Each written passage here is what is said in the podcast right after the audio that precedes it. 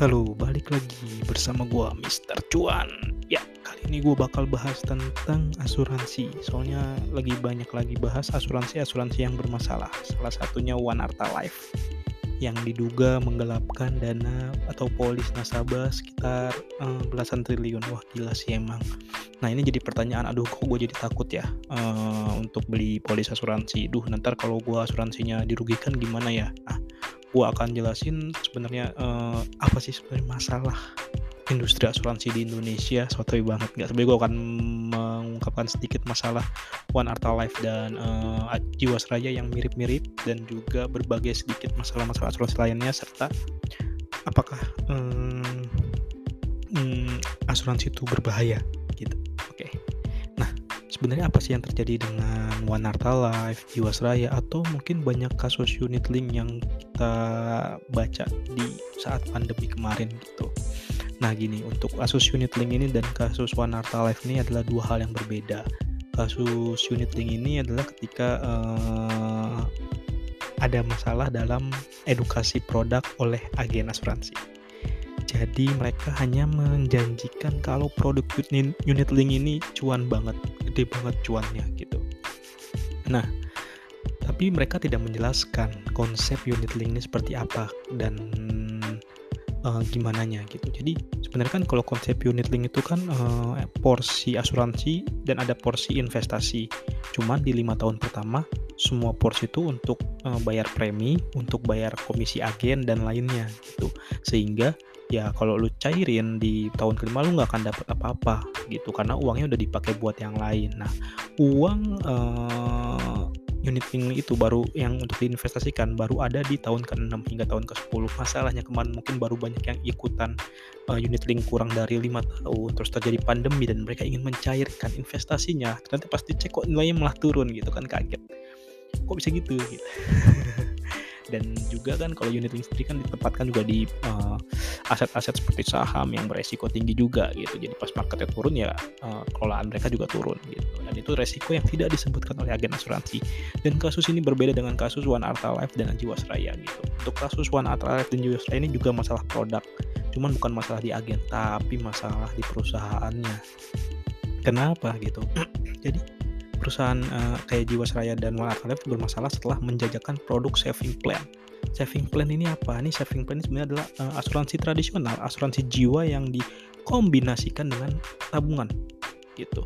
Mungkin kalau misalkan uh, produk gampangnya yang lebih yang lebih sering dikenal tuh kayak asuransi pendidikan. Kita uh, mungkin bayar premi dulu, bayar premi dulu, bayar premi dulu sampai nanti suatu saat polisnya berakhir uangnya akan cair. Kita bisa cairin gitu. Dan ini emang asuransi tradisional banget sih gitu terus kalau gitu masalahnya gimana dong gitu kan nah masalahnya adalah ketika perusahaan asuransi ini menjanjikan imbal hasil fix yang cukup tinggi. Gitu. Sedangkan saat mereka mengelola dananya ternyata hasil investasinya tidak setinggi yang dijanjikan. Akhirnya apa? Akhirnya tingkat kewajiban alias untuk membayar ke nasabah itu lebih tinggi daripada modal perusahaan. Ya akhirnya perusahaannya ya kolaps gitu uh, itu terjadi di Jiwasraya dan di uh, One Arta Life gitu. Terus gimana biar mereka bisa selamat? Ya biar mereka bisa selamat ya tinggal uh, suntik modal sih sebenarnya. Cuman kan ibaratnya kalau One Arta Life nih 17 triliun misalkan. Nah, berarti si pemegang saham atau investor harus nyuntik 17 triliun dan itu uangnya bukan untuk pengembangan bisnis tapi untuk menyelamatkan diri aja biar bayar uh, polis ke uh, si uh, nasabahnya gitu kan kan itu waduh males banget perusahaan juga nggak prospek-prospek banget kan gue ngeluarin uang banyak itu kan sayang banget. Nah itu itu masalahnya gitu.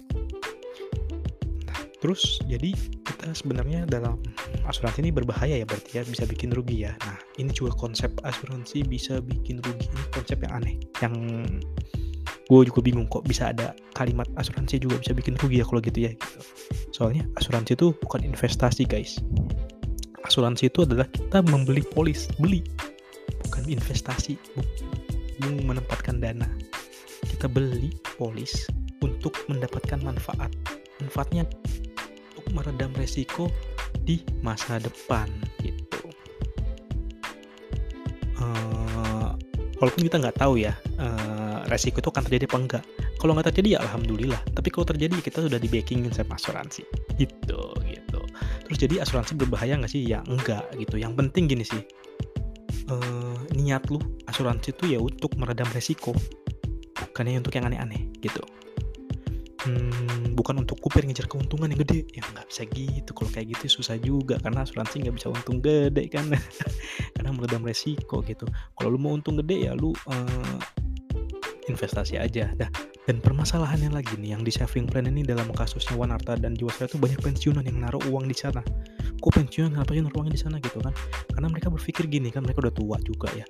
Kalau mereka mendapatkan dana di saving plan mereka dapat uh, keuntungan investasi dan juga dapat uh, manfaat asuransi jiwa gitu kan. Berarti berguna juga untuk keluarganya. Niatnya bagus cuman uh, per, uh, persepsinya salah dalam asuransi ini. Karena mereka terjerat itulah akhirnya mereka jadi rugi juga karena produknya ada produk bodong bisa dibilang gitu kan.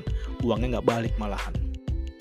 Ya nah sebenarnya kalau misalkan lu mau pakai asuransi jiwa terus juga mau investasi mendingan sendiri sendiri aja sih kalau kata gue ya. Itu udah bayar aja asuransi jiwa dengan uh, asumsi uh, uang pertanggungan yang preminya sesuai dengan anggaran lu gitu. Nah tersisanya lu investasikan aja uang pensiun lu itu misalkan ke SBN atau mungkin uh, deposito yang lebih aman.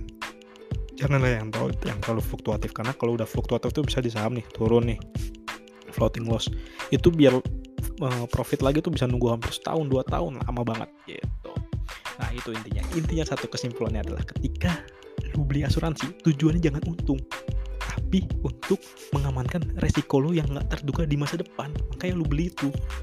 Jadi itu membeli ya bukan investasi gitu nah cuman emang sih banyak agen-agen juga nakal karena nih hmm, katanya ya gue nggak tahu juga komisi untuk produk unit link lebih gede daripada tradisional gitu tapi gue pernah punya pengalaman nih pas uh, pas asuransi kesehatan kemarin ya. Jadi uh, eh, gue di, jadi dikasih pencerahan tentang unit link, unit link asuransi kesehatan ya. Di situ dia cerita uh, unit link asuransi kesehatan ini ya kita emang bukan investasi ya gitu katanya.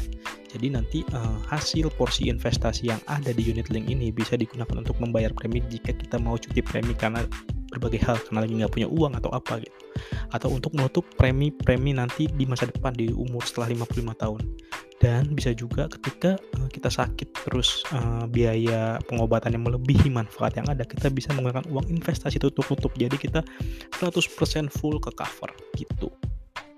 Jadi bermanfaat ya. Itu gue jadi ada oh ada pandangan baru gitu. Tapi ya itu intinya. Asuransi asuransi. Investasi investasi. Nggak bisa digabung-gabungin. Indah banget lu bisa manajemen risiko sama bisa dapat cuan tapi nggak ada yang seindah itu di dunia ini gitu. Oke. Nah sampai di sini dulu episode tentang bahas asuransi. Kita akan gak bahas lagi hal-hal menarik tentang uang di episode episode selanjutnya ya. Bye bye